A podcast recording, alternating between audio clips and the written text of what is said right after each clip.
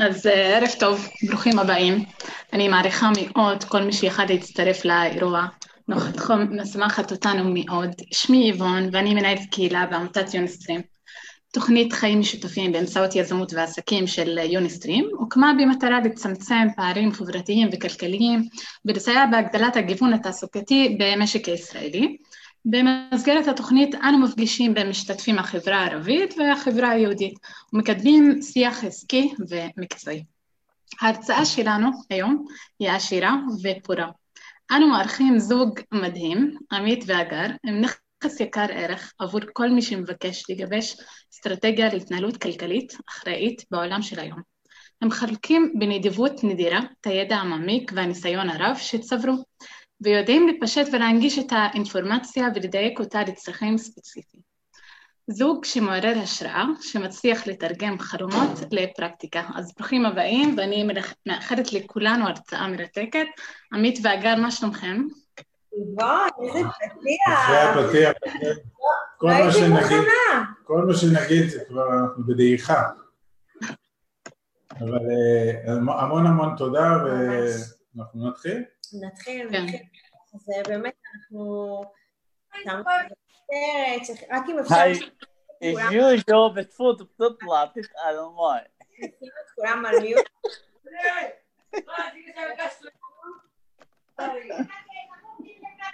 تع- تعال بوز تعال הנה אני משתיקה.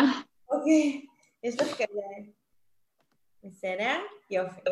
אז קודם כל, אה, באמת אה, תודה רבה אה, ליוניסטרים שבכלל מאפשרת לנו את הפלטפורמה לשתף גם את הקהילה שלכם אה, בידע, והזדמנות שנתתם גם לקהילה שלנו אה, לעלות אה, כמשתתפים ואורחים, אז אנחנו ממש אה, מודים לכם על זה.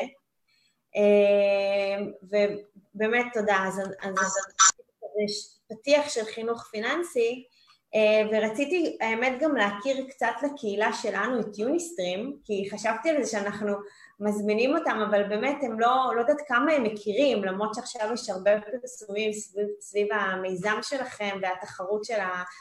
התחרות השנתית, ואי אפשר לפספס את זה בפייסבוק, אז קודם כל שיהיה לכם בהצלחה. אני יודעת שזה שונה מבדרך כלל בגלל הקורונה וכל הסיטואציה שכולנו נקלענו אליה, אז אה, שתדעו שיוניסטרים היא הוקמה ב-2001 על ידי רוני צרום, והיא עוזרת באמת לחבר בין הפריפריה לבין ההייטק ולחשוף אה, אה, ילדים, אוקיי? זה מתחיל מגיל צעיר עד גיל בגרות, אה, לכל מיני מיזמים, ולמעשה לחשוף אנשים מאוד צעירים לתת להם כלים אה, לפרוץ את תקרת הזכוכית. עכשיו, אנחנו נורא מתחברים, כי בסופו של דבר, אני ועמית אה, לא הכרנו את יוניסטרים כשהיינו ילדים, אבל אנחנו למעשה פרצנו את תקרת הזכוכית של עצמנו, אה, מבלי לדעת שיש עמותות כאלה גדולות שעושות את זה ועוזרות. אז אנחנו למעשה עושים סמי יוניסטרים, אה, אבל למי שבוחר, כי אנחנו מבינים שיש היום אה, קצת בעיה בכל הנושא החינוך פיננסי, אפשר לומר שהוא בכלל לא קיים. אה, אנחנו נורא מצרים על כך, והאג'נדה שלנו והאסטרטגיה שלנו והטרמינולוגיה שלנו היא סביב הנושא הזה שאנחנו חייבים לעזור לאנשים להבין את כל הנושא של התנהלות כלכלית. זה מתחיל בילדות, זה בחיים הבוגרים, וכמובן אין לזה גיל, אוקיי? אני יכולה להגיד לכם שיש לנו אנשים שאנחנו מדברים איתם שהם בני 84, ויש לנו ילדים בני 21, ויש לנו מכל הקשת של הגילאים, אה, וזה לא משנה, באמת שזה לא משנה. חשוב להגיד שאנחנו בעצמנו אה, בפוזיציה שמדברים על זה, אבל עד לפני 7-8 שנים לא היה לנו חינוך פיננסי, וכל מה שאנחנו מספרים ונספר הערב זה בעקבות מהלכים שעשינו בשנים האחרונות, כך שאנחנו יכולים גם להיות סוג של דוגמה והשראה למי שהיום יקבל פה תכנים וזה ייתן לו קצת בעיטות בבטן, מהמם. ויהיו פה כאלה, אז לא לחשוב שהזוג הזה נחת עם איזה כפית זהב מאיזה מסור של דונלד טראמפ, אנחנו היינו כמו כולם. לגמרי. אנחנו אני עדיין כמו אפילו הייתי כולם. פעם קיבוצניק וגר גם בפריפריה בחולון, פריפריה. פריפריה, אז, אה, אז אנחנו, מה שנקרא, נדבר בגובה העיניים, וכנראה שיהיו גם בעיטות בבטן, אבל זהו. הן יהיו נעימות. בדיוק, אז אנחנו מחייכים, אנחנו נורא נחמדים, אבל אנחנו מאוד בועטים, אז אה, מי שבאמת קצת יפריע לו, קצת יהיה לו קשה לשמוע, ואנחנו נדבר פה על מספרים, ואנחנו נהיה קצת בוטים, זה בסדר, אוקיי? אנחנו צריכים אתכם איתנו ב mindset, אה, אנחנו מבקשים להקשיב, אם אתם רוצים להביא איזה משהו לרשום בטלפון, איפה שנוח לכם, זה הזמן. אה, ההרצאה דומה לזו, אנחנו העברנו ביולי, אבל היא שונה. יהיה בה דברים טיפה דומים. שמרנו לכם פאנץ' מאוד מאוד מיוחד לסוף, זה סיפור אישי שממש היה פה בסלון של הבית שלנו לפני כמה ימים.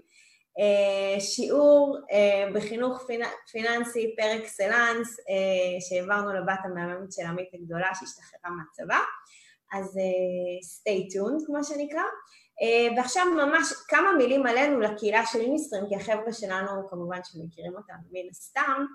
אז אה, אני אגר, אני בת 37, עמית, אה, בן 49, אנחנו שנינו נשואים בשנית, יש לנו ביחד אה, חמישה ילדים מהממים, מגיל שנתיים ועד גיל 21. יחד עבדנו 37 שנים בשירות הביטחון הכללי. ב-2014 החלטנו שאנחנו שוברים את תקרת הזכוכית, ולמעשה אנחנו מפסיקים למכור את הזמן שלנו תמורת כסף.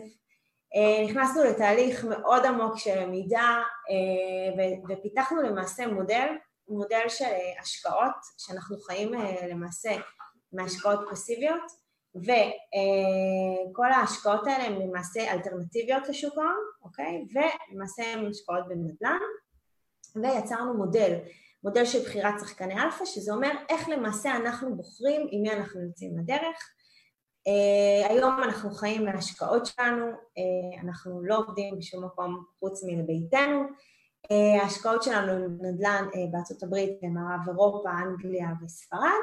יש לנו גם כמה השקעות בארץ. זהו, בקטנה מה שנקרא.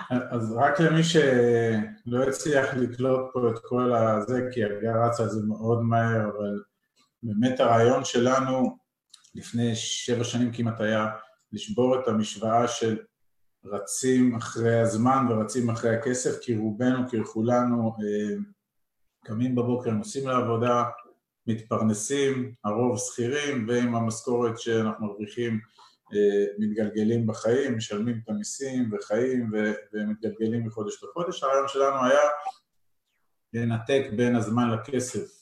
זאת אומרת שהכסף יגיע הביתה לא בעקבות זה שניסע לעבודה, אלא בעקבות השקעות פסיביות, הכנסות פסיביות, זה משהו שתשמעו הרבה מאוד היום, וזה אומר שחיפשנו נישות שבהן אנחנו יכולים להשקיע עם גורמים מאוד מאוד מאוד מקצועיים, אני לא אכנס לזה כי זה עולם ומלואו ומודל שלם, אבל בסופו של יום כל הכספים שיש לנו הלכו להשקעות, וההשקעות האלה במרוצת השנים הלכו וצברו ורובן הצליחו והגדילו לנו את ההון, ולמעשה הן מייצרות לנו את התזרים שממנו אנחנו חיים.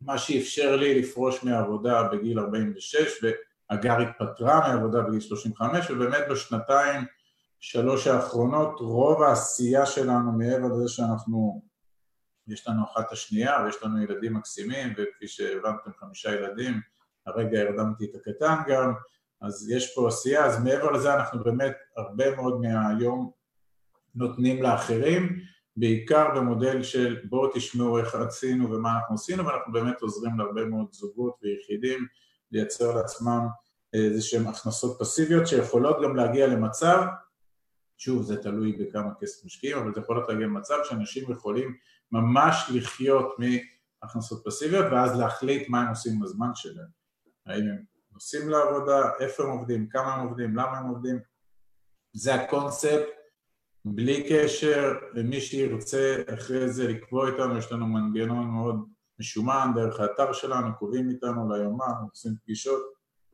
אז... אני רק אזכיר שזה הכל בהתנדבות. כן, נכון. אה, אנחנו לא לוקחים לא כסף. אנחנו לא לוקחים כסף על שום דבר, אנחנו מנדבים את הידע שלנו. אה, אנחנו פעילים, בר... אתם יכולים למצוא אותנו בכל מקום ברשת, פשוט תרשמו עמית והגר בכל אפליקציות הפודקאסטים, אם אתם רוצים לשמוע את הסיפור במלוא, כי אנחנו לא נספר את כולו עכשיו כי לא לשם כך התכנסנו, אה, אבל אם בא לכם לשמוע עוד דברים אתם מוזמנים, אנחנו גם ליבון נשלח לינק מסוים לחבר'ה שיהיו מיסטרים, אם רוצים להיפגש איתנו, אה, פשוט לקבוע איתנו ביומן ואנחנו נעלה איתם לפגישות זום ונעזור איפה שצריך. יש לנו גם פרקים אחרים שעשינו איתכם, שאתם גם יכולים למצוא בערוץ היוטיוב שלנו, פשוט תעשו עלינו גוגל, עמית והגר, אה, וזהו, נתחיל לצלול. יאללה. אז עשינו כזה... אני רק אומר פה שנייה, סליחה, גרי, שאלות, יהיה בסוף זמן כן. לשאלות, אז תרשמו לכם, אני כבר אומר, חלק מהדברים אולי לא יהיו מובנים עד הסוף, ואנחנו נרוץ פה עם ביטויים ומונחים, אה, גם יהיה אפשר לראות את זה אחרי זה עוד פעם ועוד פעם, בטח את הדוגמה בסוף שהיא קצת מורכבת, אבל בכל מקרה תרשמו שאלות, בסוף ניתן במה לתשובה. אה, כן, איבון, אני מניחה שאת תרכזי את השאלות ותעלו, כי פשוט אנחנו קצת לא נקפוץ לצ'אט וכזה, אז כתבנו כזה בולט, אה, כתבנו שקף שנקרא מה זה בכלל אה, חינוך פיננסי, האם זה משהו שמלמדים אותנו, האם אתם בכלל חושבים שצריך חינוך, חינוך פיננסי, ועכשיו השאלה היותר גדולה זה למה זה לא דרך חיים, אוקיי? למה לא מדברים על כסף? למה זה משהו שהוא תמיד, אף אחד לא יודע כמה אתה מרוויח, זה כאילו משהו שהוא מתחת לרדאר כזה, כולם חיים סביב כסף, כן, אבל אף אחד לא מדבר. עכשיו, אני ועמית באמת התלבטנו לגבי שם ההרצאה, כי אנחנו לא חושבים שצריך לעשות חינוך פיננסי, כי אנחנו מאמינים שפיננסים זה למעשה התנהלות, פיננסים זה שיח, זה טרמינולוגיה שצריכה להיות בבית, וזה למעשה דרך החיים. עכשיו זה, בחלוף שבע שנים שלנו, שאנחנו היינו באותה נקודה שהבנו שאף פעם לא דיברנו על כסף, אוקיי? עכשיו, בכל המסגרות, לצערנו, כל אחד מאיתנו, אף אחד לא עצר אותנו יום אחד לשאול אותנו באמת, מה זה כסף, אוקיי? איך עושים כסף? רק עובדים עבורו? הכסף מגיע מה... מאיפה, מאיפה הוא מגיע, אוקיי? אני, אני לא ידעתי לשאול אפילו את השאלות עכשיו. אולי יש לי שיטות אחרות שאני יכולה להשיג כסף? עכשיו, אנחנו רצינו להבין איך אפשר להשיג עוד כסף פרט למעשה לעבודות שאנחנו עובדים בהן. רגע, אבל זה בכלל יכול להיות דבר כזה, כי כל החיים לימדו אותנו שבשביל לעשות כסף אנחנו צריכים ללמוד, ואחרי שאנחנו לומדים אנחנו צריכים להתמקצע באיזשהו מקצוע מיוחד, שהמקצוע הזה יניב לי שכר, אבל האם שכר זה כסף? אני לא יודעת, אני, אני לא יודעת, כי לי אמרו שכן, אבל באיזשהו שלב הבנתי שאולי אני למעשה מגיעה לאיזושהי תקרת זכוכית ואני לא כל כך יכולה אה, לפרוץ אותה, אוקיי? אז בקיצור, אנחנו בכלל לא חושבים שזה לא אה, חינוך למדעי ההתנהגות שיש שעתיים עכשיו במערכת שעות. חינוך פיננסי, כמו שאגב אמרה, זה התנהלות פיננסית, זה מהרגע שמתעוררים עד הרגע ש... זה, זה חלק מהחיים, ואצל רוב האנשים שאנחנו מכירים זה סוג של טאבו, לא מדברים על זה, הילדים לא יודעים מה ההורים מרוויחים, לא יודעים מה ההוצאות, לא יודעים מה זה, איפשהו פיל גדול בחדר, ותכף נסביר גם מה הבעיה שלנו עם הסיטואציה. כן. אה, בחרנו להציג את השקף הזה, אה, ש, שכאילו, איך להסביר אותו הכי טוב? זה כאילו הבית, אוקיי, של ההורים? אתה רוצה כן, לדבר עליו? אז זה גם בצורת בית, כי הבית פה יככב, וזה גם ההורים שלנו, וההורים של ההורים זה הסבים, ולמעשה אנחנו, אחת מהטענות המרכזיות שלנו, שדברים בעולם הפיננסי שהיו נכונים עד לפני, בוא נגיד 30, 40, 50 שנה, אה, של אה, התנהלות פיננסית, כמו שנאמר, של מגיעים למקום עבודה, פורשים באיזשהו גיל 65 או משהו, ונשאר מספיק כסף לעברת החיים, כל הדבר הזה, למעשה הטענה המרכזית שלנו שבמאה ה-21 זה כבר לא טוב, זה כבר לא מספיק, זה עלול לגרום למצב מאוד בעייתי, ולמעשה אנחנו אומרים, הילדים של היום ישאבו מההורים את החינוך הפיננסי הקלוקל, סליחה על זה שההורים שלהם התנהלו, לא כי ההורים רעים, ההורים מצוינים ומחבקים ומנשקים, אבל הסבים לא סיפרו להורים מה זה כסף, איך עושים כסף, איך שומרים על כסף ואיך מגדילים את הכסף, אז ההורים גם לא סיפרו את זה לילדים. והילדים של המאה ה-21, אם הם לא יהפכו את הבית הזה ויסובבו אותו על ראשו, לדעתנו תהיה להם בעיה מאוד מאוד קשה, וזה מה שאנחנו הולכים להראות פה היום. זהו, ועכשיו שמנו, שמנו תמונה, simple as that, אוקיי? קראנו לתמונה הזאת היא הקופסה. זה למעשה מתחבר למקום הכי בסיסי, אוקיי? שאנחנו אה, מתחילים את שלב החינוך שלנו במסגרות החינוכיות. יש איזשהו shifting שקורה מהרגע שילדים מסיימים את הגן והם עוברים לבית ספר, אנחנו מתחילים להכניס אותם לאיזשהם תבניות. והתבניות האלה, איך לומר, לא כל כך באות לנו טוב, בסדר? לא בא לנו לשים את הילד באיזושהי קופסה, לבודד אותו מכל מיני רעיונות, לבדד אותו ממחשבות, לבדד אותו מ... דווקא להיות אחד בתוך כולם. בואו ניקח רגע את יוניסטרים. יוניסטרים, אתם עובדים בתוך קבוצות של אנשים, נכון? אתם עושים סיורי מוחות, אתם גורמים לאנשים לצאת מ, מ, מהקופסה, מתקרת הזכוכית, מהמקומות שאנחנו כל כך רגילים אליהם, ואנחנו מרגישים דווקא כאן שכל הנושא לא, של... לא. כל הנושא של חינוך פיננסי, פיננסי נכנס באמת תחת הקופסה הזו, אבל אף אחד לא באמת לימד אותנו מה קורה ביום אחרי שאנחנו יוצאים מה, מכל המסגרות.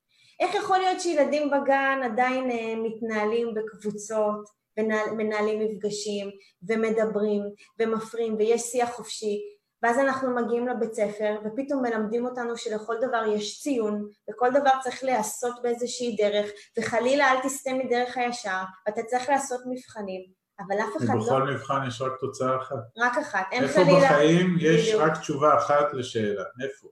איפה? עכשיו, אנחנו מרגישים שפה למעשה מתחיל להיות הסדק של הפגיעה ביצירתיות, ופגיעה למעשה בלגרום לכל אחד להיות אינדיבידואל בתוך כלל כזה גדול. עכשיו, זה לא שאני יוצאת עכשיו נגד כל מערכת החינוך, חלילה שלא תבינו לא נכון, אבל זה מתחבר לכל הנושא שאני ועמית מדברים עליו, שהתנהלות כלכלית זה לא חינוך, אוקיי? זה לא חינוך פיננסי, זה שיח בבית שמתחיל מגיל אפס, אוקיי? זה אם אנחנו יושבים בבית ומיכאל בן החמש שואל אותנו מה אנחנו עושים, ואנחנו אומרים לו אנחנו מתעסקים בהשקעות, ואנחנו מתחילים להסביר לו מה זה השקעות, אז זה, זה, זה התנהלות תקינה. אם אנחנו יושבים כולם ומדברים על כמה אנחנו מרוויחים וכמה עושה, כמה עשו הנכסים שלנו שאנחנו משקיעים בהם, זאת התנהלות תקינה. אם סיפרנו להם כמה הרווחנו בעבר וכמה רצינו להרוויח יותר בשביל לתת להם יותר, זו התנהלות תקינה. אנחנו מכניסים אותם לשיח שוטף סביב כל ההוויה. יש, אוקיי? יש פה גם, אני רציתי גם בסיפור הבית ספר, אז כמו שהגר אמרה, אז מכניסים הכל לתבניות, וגם בתוך התבניות האלה אין מילה על העולם הפיננסי ועל התנהלות פיננסית נבונה, והרי בסוף הבית ספר, הכותרת שלו היא נועדה להכין את, ה, את הילדים לחיים הבוגרים, אז, אז בסדר, אז הם יודעים תנ"ך, זה חשוב, והם יודעים אם לצייר עם המחוגה עיגול, זה חשוב, ויודעים לשון וניקוד ושורוק וחורוק, זה, זה בסבבה, אבל מישהו מספר להם איך הם משיגים את, ה, את הכלי הזה, את האמצעי הסופר חשוב הזה שנקרא כסף, איך הם שומרים עליו, איך הם מגדילים, לא, אף אחד לא עוסק בזה, כי, כי, כי, כי זה לא המקום, כי מישהו, כי, כי אין את התכנים האלה, מה פשוט ש- אין את התכנים האלה. מה. שקורה, שהכלים שלמעשה אנחנו צריכים לקבל, הם נשארים סגורים בתוך הקופסה שאתם רואים עכשיו. אף אחד לא פותח אותה. וגם גם אנחנו לא פתחנו אותה, כי אמרו לנו שיש איזשהו מתווה מאוד מסוים שאנחנו צריכים ללכת. אנחנו נסיים את התיכון, אנחנו נלך לצבא, אנחנו נלך ללמוד, ואנחנו נקנה בית, ואנחנו נמצא עבודה, או שאנחנו קודם נמצא עבודה, או שאנחנו קודם נמצא בית, או שאנחנו קודם ניסע לחו"ל, ואנחנו קודם נעבוד במלצרות, או אנחנו לא נעבוד במלצרות, ואנחנו כן נעשה, וואו, שיגעו אותנו, איזה לחץ, מה קורה? איזי, איזי. זה כל השיטות, זה מה, כולם עושים אותו דבר? מה קורה? מתי מישהו עצר לשאול, רגע, רגע, רגע, stop, תעצור את המרוץ הזה, לא בא לי להיכנס אליו, לא בא לי, בא לי קצת לצאת, והופ, בוא נפרוץ את הקופסה הזאת, ה box הזה שיושב לנו על הראש. ועכשיו זה מתחבר למקום, למה אנחנו חושבים שאנחנו חייבים לעשות חינוך כן. פיננסי במאה ה-21? זה בדיוק, זה מתחבר גם למה שאמרנו קודם, יש פה אר, ארבעה היגדים שבעינינו גם כן, אין, אני לא חושב שיהיה מישהו בקהל שיחלוק עליי, אה, ובעיניי זה, בעינינו אפילו זה אקסיומות, זה ברמה של זה, זה החיים ומפה זה רק הולך להיות כזה, אחד, תוחלת החיים של כולנו עולה, כי המדע מתקדם והרפואה מתקדמת והטכנולוגיה מתקדמת, רואים את זה בכל מקום, אנחנו שם וזה ימשיך, זאת אומרת אנחנו נחיה יותר חיים. שתיים, בעולם המערבי ואנחנו מייחסים לעצמנו מערביות, עדיין יוקר המחיה עולה כל הזמן, סך הפיתויים וסך הטכנולוגיות וסך הנוחות, מה שפעם היה, תיקחו כל, תיקחו את הדבר הכי טריוויאלי, סתם סבון שהיינו מסתבנים פעם נקע שבע, היינו קונים כאלה ארבעה, זה היה מספיק לחצי שנה. היום כל שבוע, אצלנו בבית, לפחות ארבעה, חמישה בקבוקים אנחנו שבעה אנשים בבית. כן. ארבעה, חמישה בקבוקים של סבון שנגמרים באיזה... בקיצר, כל דבר עולה הרבה יותר כסף, יוקר המחיה עולה. שלוש, הפנסיות של כולנו, מי שרוב האנשים טומנים את הראש בחול, אבל הפנסיות של כולם מתכווצות ומתרחקות. הן מתכווצות ומתרחקות בגלל סעיף אחד, תוחלת החיים עולה, ככל שחיים יותר, הפנסיות האלה צריכות להספיק לי יותר זמן.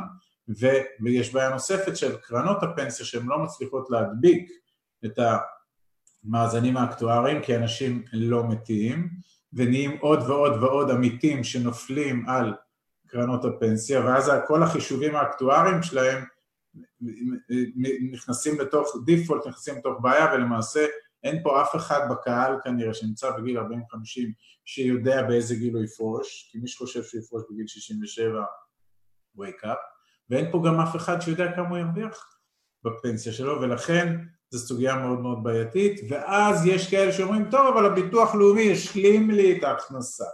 אז או שכן או שלא, היום השלמת הכנסה הזאת נעה סביב ה-2,000-2,500 שקל, אני לא יודע מה אפשר לעשות עם סכום כזה, אבל גם זה הולך ודועך, וכולם יודעים מה המצב בביטוח לאומי, ולאחרונה גם הקורונה ראינו את זה, זאת אומרת, יש פה שורה של איומים מעצם המציאות שמחייבת אותנו להיערך הרבה יותר טוב מבחינת כספים שאנחנו צריכים להרוויח ולהשיג ולשמור לעצמנו.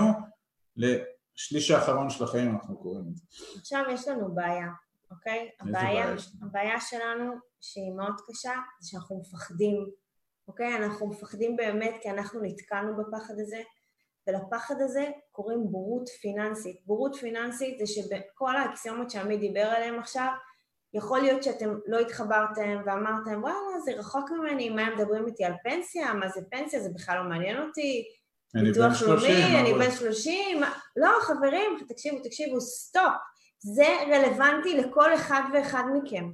אתם לא תחכו לפנסיה שמישהו ידאג לכם, אתם לא תחכו שביטוח לאומי ידאג לכם, כי אם אתם תחכו לזה, אתם תקרסו, אוקיי? פשוט ככה, אתם תקרסו. אני יכולה להגיד לכם, אני בת 37, יש סביבי אנשים שחושבים שיש להם פנסיה, שחושבים שהם מפרישים לפנסיה, ואז הם יתעוררו בגיל הכלשהו שהוא יהיה גיל הפרישה, והם יבינו שאין להם שקל, ואז מה יקרה? או שיש להם, אבל מעט. מה יש, יש להם? מה יש להם? 700 שקל? 1,000 שקל בחודש? 5,000 שקל. איך זה בדיוק יעזור? עכשיו, אתם יודעים מה? בואו נלך למשהו אחר. מה היה פה לפני חצי שנה? מה, אתם יודעים מה היה פה לפני חצי שנה? ועוד לא עזב אותנו? קוראים לזה הקורונה. איפה המסכה? אופס. Um, אתם יודעים כמה אנשים איבדו לא מקור פרנסה אחד, אלא שני מקורות פרנסה? ומה הם עושים? היום הם עוד באשליה כי הם בחל"ת והמדינה משלמת להם גם כן איזו המצאה, חל"ת, חופשה ללא תשלום עם תשלום, אבל גם זה, החלום הזה, יום אחד התעוררו ממנו, וגם היום יש המון עשרות אם לא מאות אלפים שנמצאים במצוקה הולכת וגוברת, וכל סיפור הקורונה אגב, שנחת עלינו בהפתעה גמורה, מבחינתנו, ולמעשה כל מה שאנחנו אומרים פשוט קירב את זה הרבה יותר לפה, לגמרי. כי חשבנו שזה יקרה עוד הרבה שנים זהו, רציתי לתת לכם משהו שאולי ידבר לחלקכם, כי אולי אתם עבדתם באיזושהי עבודה, ופתאום אמרו לכם, אולי אתם מלצרים, אוקיי? ואמרו לכם, חברים, סליחה, אבל יש סגר, אתם לא יכולים להיות מלצרים יותר. אז החבר'ה של יוניסטרים, הנה, אנחנו בעצמנו היינו צריכים להגיע להרצאה פרונטלית, אבל לא הסכמנו לבטל אותה, אז עברנו לזום, אוקיי? כמה מכם הפסדתם את מקום העבודה שלכם ומי יודע מה יהיה? עכשיו יש גם חגים, אז אתם יודעים, אז אחרי החגים נכנס הרי הכל אצלנו בדחיינות.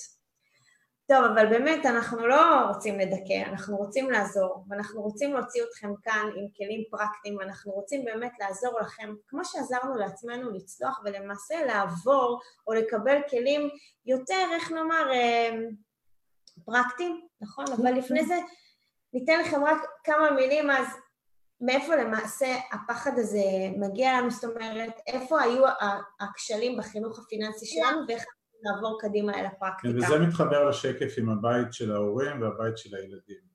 כי מה שכתוב פה, ואולי גם בשקף הבא, זה פתגמים, מגדים, סיסמאות שאנחנו שמענו וכנראה שחלק לא מבוטל מהקהל שמע, מההורים שלו ומהסבים שלו ומהסביבה שלו, כמו אף פעם אל תהיו חייבים, נכון? יש איזה משפט כזה, אני לא יכול להירדם אם אני חייב, ופה זה סוג של בעיה, כי זה, זה, אה, אנחנו תכף נסביר שמי שחושב שהוא יכול לייצר הון, להגדיל לעצמו את ההון רק מהכסף שהוא מרוויח מהמשכורת, אז הוא לא מבין כלכלה. אין חברה שלא נבנית מאשראי. מה זה אשראי? אשראי זה חוב. אז אם לא ניקח חוב, או במילה יפה, הלוואה, או הלוואות כאלה ואחרות, כדי להשקיע אותם ולהגדיל לעצמנו את ההון, אז נשאר תמיד מתבוססים באותה שלולית. אז אף פעם אל תהיו חייבים, אם זה שתול אצלי במוח, אני אשקשק, ירעדו לי הברכיים ללכת לבנק, לקחת הלוואה, אם אני לא אקח הלוואה, אני לא אצליח להגדיל את ההון שלי. בסדר? אז אבל איך הם ייקחו הלוואה? כי אמרו להם שהלוואה זה לא דבר טוב. נכון, הוא בכלל לא ילך לבנק, ואם הוא ילך לבנק, ירעדו לו הברכיים, הוא יבוא מול ומאיפה. ייתנו לי כסף? כן, אז זה דבר ראשון. דבר שני, תמיד אמרו לנו, חוב זה דבר רע. עכשיו שכחו את ההמשך של המשפט. יש פה חוב לצורך סגירת מינוס, זה דבר רע. זה דבר רע, מאוד. כי בסוגריים הוא מעיד על זה שאנחנו מתנהלים כלכלית בשוטף לא לא. טוב, אבל חוב לטובת יצירת הון זה דבר מעולה. כלומר, אם ניקח הלוואה ב-2%, כן, ונשקיע אותה במקום של 10%, אז יהיה פה 8% שאנחנו נרוויח, בסדר? שאנחנו מייצרים כסף שזה בא לא מכסף שלנו, זה נקרא ארביטראז', זה פער בין הריביות, אנחנו משלמים 2%, מרוויחים 10%, נשאר לנו בכיס 8%, נכון, יש גם מיסים, לא, לא נרד לזה עכשיו, אבל הגדלנו לעצמנו את ההון בזכות חוב שלקחנו, בסדר? ושוב אני אומר? סליחה? אפשר לשאול על זה שאלה? על העניין. טוב, כל השאלות בסוף, כל השאלות בסוף. הכל בסוף. אה, אה, אז, אז זה לסוגיה הזאת, ואני אומר עוד פעם, חוב שאנחנו לוקחים, שזורקים עלינו חברות האשראי וכרטיסי האשראי, בואו תיקחו, בואו תיקחו, בואו תיקחו, זה לרוב יהיה חוב מאוד יקר, שנועד לסתום בור שאנחנו קרינו לעצמנו, והוא קרה בגלל התנהלות כלכלית לא נכונה, ואין סיבה שהבור הזה לא יעמיק עוד פעם, כי אם לא נשנה את ההתנהלות, אז נחפור לעצמנו עוד פעם את הבור. אבל אה, זה מאוד הגיוני לקחת חוב לקנות בית. ברור, מה הבעיה בלקנות בית? ברור, מה, מי לא ייקח משכנתה? משכנתה זה בכלל לא חוב, זה לא הלוואה. לא, נכון? זה משכנתה שכר. מילה יפה, זה משכנתה, כן, זה זה- בארמית, זה כן, נחמד כזה עם האלף טוב בסוף. וכולם הולכים לקחת משכנתה, זה לא באמת משנה כמה אחוז אנחנו משלמים על הריבית, שזה ל-30, 40 שנה, אבל זה סבבה, נכון? כאילו, כי צריך, כי חייבים לקנות בית. בישראל. חשוב לקנות בית, כן. ואנחנו, בסוגיה הזאת תכף נתייחס אליה עוד פעם, כן, ניתן לכם עוד קצת אה, דברים ש... שמתייחסים לבית הזה. כן, ולחינוך פיננסי שאני מניחה שכולכם אה, נתקלים בו, או נתקלתם, או תיתקלו בו בעתיד. אז אמרו אותם הורים, מה אתם דואגים, תיקחו משכנתה, אבל אמרנו להם, לא, זה יהיה, זה, על כל מיליון שקל נחזיר 6,000 במשך 30 שנה, ואז על המיליון שלקחנו נחזיר עוד מיליון, אז שני מיליון נחזיר, לקחנו מיליון נחזיר שני מיליון, ואם לקחנו מיליון וחצי נחזיר שלושה מיליון, אבל מה זה, לא, אבל, אבל אתה, אחרי אתה לא מבין מה יהיה. מה יהיה אחרי? אחרי שנגמור את תשלומי המשכנתה בסוגריים יעברו 30 שנה והנוער והתמימות והנעורים שהיינו בני 25 כבר נהיה בני 55 וקברנו את מירב שנותינו באיזשהו נכס שהיה שייך לבנק, אז אחרי זה כבר לא תהיה לנו בעיות כלכליות. למה? כי יהיה לנו עכשיו 6,000 שקל או 8,000 שקל שכבר לא נצטרך לשלם, אז ה-8,000 שקל האלה ישימו אותנו בפוזיציה אחרת של החיים, אז אני אומר לכם זה בולשיט, ה-5,000 ו-8,000 שקל לא יפתרו לנו את הבעיות שדיברנו בהתחלה. מה שכן יהיה, כנראה הבית שקנינו לפני 30 שנה, ערכו יהיה שווה הרבה יותר. השאלה האם זה עוזר לי בחיים, כמה הבית שלי שווה.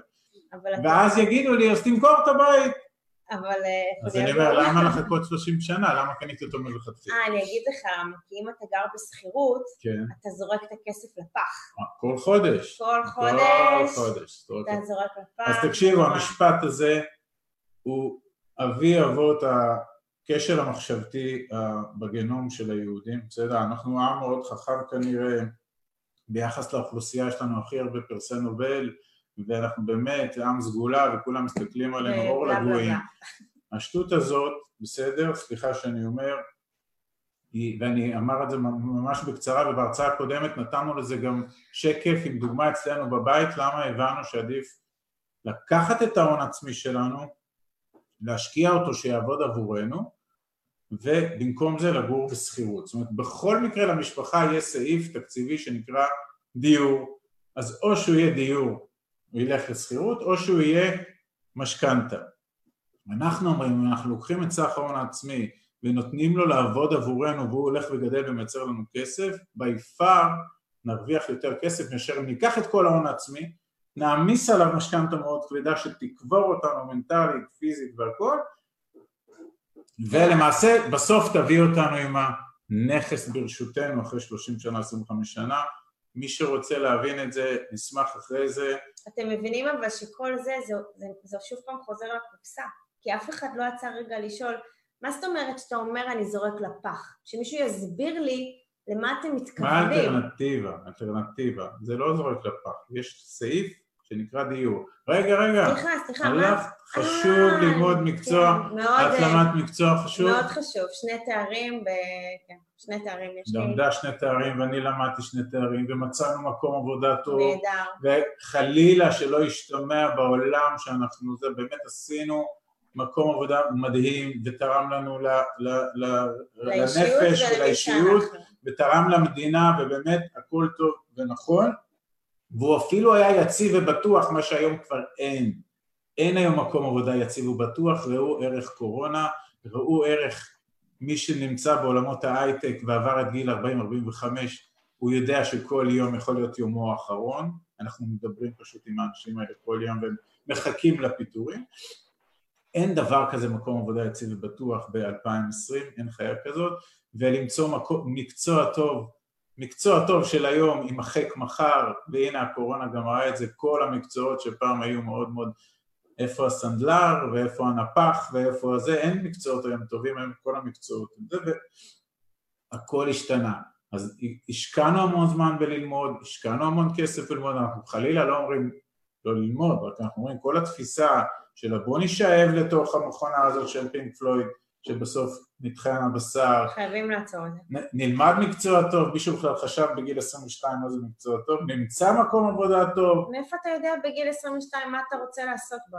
נקיז שמה את שעותינו וימינו היפות, נקבל 8,000, 9,000, 12, 13 אלף שקל וניכנס עמוק למרוץ העכברים, בסדר? זה מה שאומר המשפט הזה. זה, וזה חוזר לארגז שהגר דיברה עליו, stop, תעצרו את כדור הארץ, בואו נחשוב, בואו נסתכל על זה אחרת. בואו נעשה איזה restart. עכשיו זה... אה, לא, זה גם ממשיך, זה. רק עוד שני אלה הקטנים. לא, זה שני אלה ואנחנו עוברים לפרקטיקה. אגב, אנחנו מתים על ההורים שלנו, הם באמת... מקסימים, זה לא קשור אליהם. מקסימים, אמרו לנו וגם לכם, כסף לא גדל על העצים. נורא. תגידו לי פה, מישהו לא אמרו לו את המשפט הזה, אז אני אומר עליו שני דברים. החקלאי שמגדל את האפרסקים והשזיפים והבננות וזה, משם הוא עושה את הכסף לדעתי זה עצים, אז כן הכסף גדל על עצים, זה אחד. שתיים, השטרות שאנחנו משלמים בהם בכל מקום, השטרות עשויים מעץ, עשויים מנייר, ונייר עשוי מעץ, אז כסף כן גדל על עצים. ושלוש, יש לנו אפילו אחת מההשקעות שאנחנו משקיעים בה היא... בעצים. השקעה בעצים כחלק מתפיסה ירוקה וגם כעצים ש... בסוף הולכים לתעשייה, יש השקעה מאוד מאוד מעניינת בעולם הזה, לא ניכנס לזה עכשיו, כן, זה לא אבל זה ממש השקעה, לכן גם המשפט הזה הוא זה, והמשפט לא מדברים על כסף, הוא בערך כמו לא מדברים על סקס, זאת אומרת לא מדברים על כסף ומפה הוא גם בא הבורות, כי מה שלא מדברים עליו אז לא, לא שואלים, ואם הילדים יודעים שלא מדברים על כסף, מדברים על פוליטיקה, מדברים על שטחים, מדברים על הכל, מדברים על, ה, על כל האיוולת שיש בתקשורת, אבל למה בבית לא מדברים על כסף? למה? כי הסבים לא דיברו על הכסף, וההורים לא דיברו על הכסף, וגם אנחנו. אז מה אנחנו עושים היום? אנחנו יאללה, רוצים. יאללה, אבל יש גם דברים טובים. לא, יש מלא דברים טובים, אבל עכשיו אנחנו מתרכזים קצת בדברים הפחות כיפיים, אבל אנחנו רוצים אה, לעשות איזשהו תיקון, אוקיי? זה חלק, אמרתי לכם, מהאג'נדה שלנו, מהאסטרטגיה שלנו. אנחנו רוצים לעזור לאנשים לפרוץ את התקרת זכוכית, לקבל כלים, לשאול שאלות, לפתוח את העיניים, להפוך את הדיבור על כסף למשהו מאוד חיובי, למשהו בונה, למשהו ערכי, למשהו משותף, למשהו משפחתי. זה כיף, זה כיף לדבר על כסף, זה גם מעורר את החשיבה, זה פותח לך כל מיני um, רעיונות שבכלל לא ידעת שקיימים, כאילו חשבת פעם לדבר עם uh, ילד בן חמש, ילד בן עשר, ולשמוע את הרעיונות שלו, איך בכלל נהיה כסף ואיך עושים כסף. אז עשינו, לקחנו uh, ארבעה משפטים של uh, אנשים שאנחנו מאוד מאוד מאוד מעריצים, אנחנו אומרים את זה בכל מקום למי שמכיר אותנו, uh, על רוברט קרסוקי, הוא כאילו, באמת זה סוג של תנ"ך שלנו, uh, כאילו לקחנו ארבעה בולטים, אנחנו נרחיב עליהם מעט ואנחנו נמשיך הלאה. פה רק לומר שה, שאני והגר נכנסנו לעולמות האלה שאמרנו בערך לפני שבע שנים, אז כפי שאמרנו היינו בורים לגמרי בכל העולמות האלה ופשוט לימדנו את עצמנו, לימדנו את עצמנו בעיקר על ידי חיבור, התחברות, האזנה, קריאה של אנשים שהגדרנו אותם כמצליחנים בתחומים האלה ו... מכל אחד שאבנו לא מעט רעיונות וזה, ובסוף זיקקנו את זה לכדי ידע, ואת הידע זיקקנו לעשייה. בסדר? זה אם אני סוגר. תקנו נכסים ולא התחייבויות. אז רוברט קיוסקי, מי שלא מכיר, הוא האיש שכתב את אבא, שיר אבא, אני, מי שלא קרא את הספר הזה, בבקשה. גם אם ההרצאה הזאת משעממת אתכם, תיקחו, אין לנו אחוזים לצערנו. הנה, תראה מישהו הרים את הספר, עמרי. טוב. אז בסדר. איזה עמוד אתה? אה, חבר'ה, עזבו את ההרצאה ופשוט תקראו את הספר, הוא עושה סדר, כתוב קל, הוא לא ארוך, הוא גם מספר שם באמת, אה, כל הגישה שלי, של הגר, אה, זה השתנתה בעקבותיו, ממש. והוא למעשה מדבר על ההבדל בין נכסים לבין התחייבויות, כלומר בין נכס לבין נטל, ואז הוא אומר, תשימו לב אם מה שאתם קונים הוא נכס, איך אתם יודעים אם הוא נכס? אם הוא מכניס לכם כסף. ואם הוא מוציא מכם כסף הוא נטל. עכשיו בואו נדבר רגע על הבית ש, שרצ, שדיברנו קודם. הבית שלנו שקנינו עם המשכנתה, האם הוא נכס או נטל? האם הוא מכניס לנו כסף? לא, הוא מוציא לנו כסף, כי הוא מוציא לנו כסף על המשכנתה, הוא מוציא לנו כסף על הגנן, הוא מוציא לנו כסף על התיקונים, והוא מוציא לנו כסף על השיפוצים, והוא מוציא לנו כסף על הריסוסים של הג'וקים, מוציא, כל היום מוציא כסף, זה לא נכס, זה נטל. אבל אם עם הכסף שלנו קנינו בתים וקנינו נדל"ן ויש בפנים דייר שמשלם לנו את שכר הדירה ואיתה גם אנחנו משלמים את החוב שלקחנו קודם, אז זה נכס. לכן אנחנו אומרים, כל דבר אצלנו בבית, ברור שחלק מהדברים שאנחנו קונים בשוטף הם, הם, הם, הם, נטל, בסדר? הרכב שלנו הוא נטל, לא באמת, הוא, הוא, הוא, הוא רק מוציא כסף. ואז אתה יכול להגיד בסדר אבל הוא חלק מכללי המשחק אז הוא יכול לקנות אוטו גדול או קטן אבל צריך להבין שהוא נטל האם הליכה לחדר כושר זה נכס או נטל. זה לדעתי כבר נכנס לעולמות יותר אפורים כי גם בסוף זה יכול להכניס לנו כסף כי לא משנה כל הדברים האלה אבל ההסתכלות וההבנה בוא נפריד בין נכסים להתחייבויות מאוד מאוד חשוב. תתחילו לחשוב על הדברים כך. לקחנו את הג'ים רון, שהוא אחד המנטורים, הוא היה מנטור של טוני רובינס, שהוא אומר, קודם כל, אה, תשקיעו בעצמכם שזו ההשקעה הכי טובה בעולם. אז קודם כל, שימו לב, מה שאתם עושים עכשיו, ברגע זה אתם משקיעים בעצמכם. פיניתם זמן, יכולתם לעשות הרבה דברים אחרים, יש פה כמעט 60 אה, ומשהו איש ב live, אוקיי? בלי קשר למי שעוד יצפה בזה אחר כך. פיניתם זמן, ישבתם, אני רואה שאפילו חלק פה עם מחברות ועם אה, עפרונות וכותבים ומקשיבים, והנה אתם עושים משהו לעצמכם. יכול להיות שחלק מהתכנים אתם לא מתחברים כי אתם עוד לא ב mindset הנכון, וחלק מהדברים נשמעים קצת רחוקים, וחלק אתם אומרים, רגע, יש בזה משהו, כבר שמעתי, בואו נחבר. להשקיע בעצמך ברמה המחשבתית של התודעה, של ה... אני מדברת על ה-emotion to action, זה של טוני רובינס, להשקיע בזה זה הדבר הכי חשוב בעולם. כי כמה שאתה תאתגר את עצמך לחשוב יותר, לצאת מאזור הנוחות, לעשות דברים שלא קל לך. אני ועמית, כשיצאנו לדרך שלנו, עבדנו 24-7, כולל גידול ילדים. 24-7. לא באנו הביתה וקיבינו את הטלפון והכל היה שקט, ממש לא. עבדנו מסביב לשעון, ועדיין ניצלנו כל רגע שהיה לנו ביום לטובת לימוד עצמי. עוד לא הבנו שזו ההשקעה הכי טובה שאנחנו נעשה. עוד לא הבנו שכל ערב בתשע בערב, אחרי שהילדים אכולים ומקולחים וכולם כבר הולכים לשלהם, אנחנו יושבים ומלמדים אחד את השנייה מה למדנו היום. לימים... ואיפה גם... למדנו? ולמדנו את זה באוטו. בפקקים? בפקקים, אוקיי? שמנו אוזניות, פתחנו יוטיוב וחפרנו, חפרנו, אוקיי? כל יום. והבנו מהכי גדולים שבשביל להצליח אתה פשוט צריך לחקות את הכי גדולים, וזה בדיוק מה שאנחנו עושים, אוקיי? אבל עושים את זה עם ה-added value שפיתחנו לעצמנו בשביל לעזור לאנשים אחרים, אוקיי? זה ה... אז זה בול את זה. אז אמר גם היהודי אלברט איינשטיין, שבטח מכירים אותו, שריבית דריבית זה הפלא השמיני. אה, אני לא ארחיב על זה, כי בדוגמה בסוף אנחנו מראים משהו על ריבית דריבית, אבל בואו נזכור את, ה, את הדבר הזה. מי שלא יודע מה זה ריבית דריבית, זה רק, זה כסף שאנחנו משקיעים אותו באיזשהו אפיק, והוא רץ הרבה מאוד זמן, וכל שנה הוא גדל קצת בגלל הריבית, ושנה אחרי זה הוא גדל עוד יותר כי הריבית הגדילה אותו עוד יותר. בשנה שנייה הוא גדל עוד יותר כי הריבית של השנתיים הראשונות הגדילה אותו עוד יותר, ורואים את זה אחרי עשר וחמש ושלושים שנים, שסכום שאולי שמנו שלא נראה משהו, אבל אם הוא רץ הרבה מאוד שנים בריבית דריבית, אז הוא נהיה גדול מאוד, גדול מאוד, ופה למעשה זה סוג של, של זה, אנחנו אומרים את זה כי הרבה מאוד אנשים גם מתקשים מאוד להסתכל לעתיד, בסדר? הכי קשה לנו, סליחה שאני קוטעת אותך, שחלק מהקונספט שלנו זה באמת להיות מורה נבוכים ולשים אמ, ספוטים לאנשים על דברים שמתנהלים להם בחיים והם לא כל כך ידעו שקיימים. לכמה מכם יש איזשהו אמ, אפיק כלכלי שמנוהל במקום עם, עם ריבית דריבית, וחלקכם אולי לא יודעים את זה, וזה עצוב לנו. אתם יודעים למה?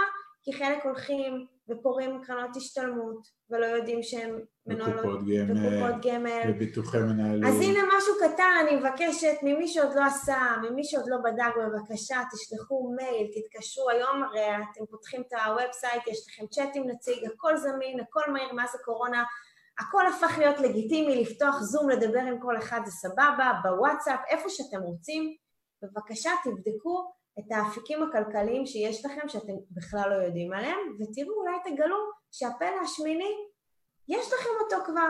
תכף אנחנו גם מביאים אתכם לפן שלנו, איך אנחנו גם יכולים להביא אותו אליכם. והמשפט האחרון אה, אומר, אה, אל תחסכו את מה שנשאר לכם אחרי הבזבוזים, אוקיי? תבזבזו את מה שנשאר לכם אחרי שאתם משקיעים כסף, אוקיי? כשאתם מנהלים תוכנית, תקציב כלכלי, תדאגו שיהיה כסף שאתם משקיעים. בתוך ההשקעה, אם נשאר לכם עודף, תבזבזו, בכיף. אבל למה לבזבז משהו שאפשר שיעבוד בשבילכם?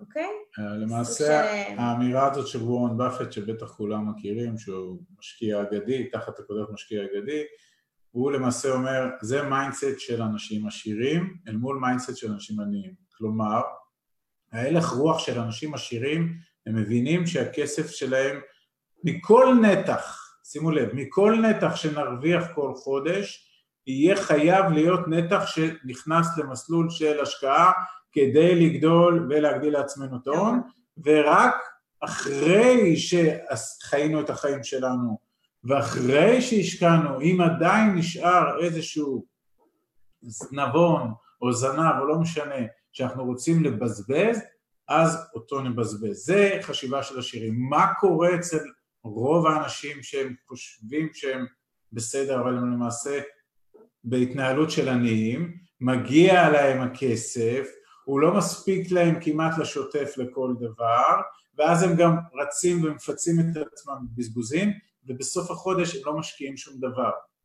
אם הם לא נוטעים שתילים קטנים כל חודש, אז אף פעם לא יהיה להם עצים שיעשו עליהם צל, בסדר? זאת, זה אמירה, זה נורא קשה בארץ, כי יוקר המחיה פה, כבר דיברנו עליו, הוא מהגרועים בעולם, המשכורות הן לא גבוהות, אנחנו רצים פה כל הזמן ומתעדפים מה כן ומה לא, ואז בסוף אומרים לי, מה אתה רוצה? אין לי, לא נשאר לי כלום, איך אני אשקיע אם יש לי ארבעה ילדים ואני מרוויח רק עשרים אלף? וזה שלב התירוצים, ואנחנו לא מוכנים לשמוע אותו, הוא עובר לנו ליד האוזן והוא בכלל לא מעניין אותנו. זה. זמזום, זה זמזום. זמזום, ומה שאני אומרת, תמיד אם יש תשובה מהירה לבעיה, זה אומר שלא התמודדת עם הפתרון שלה.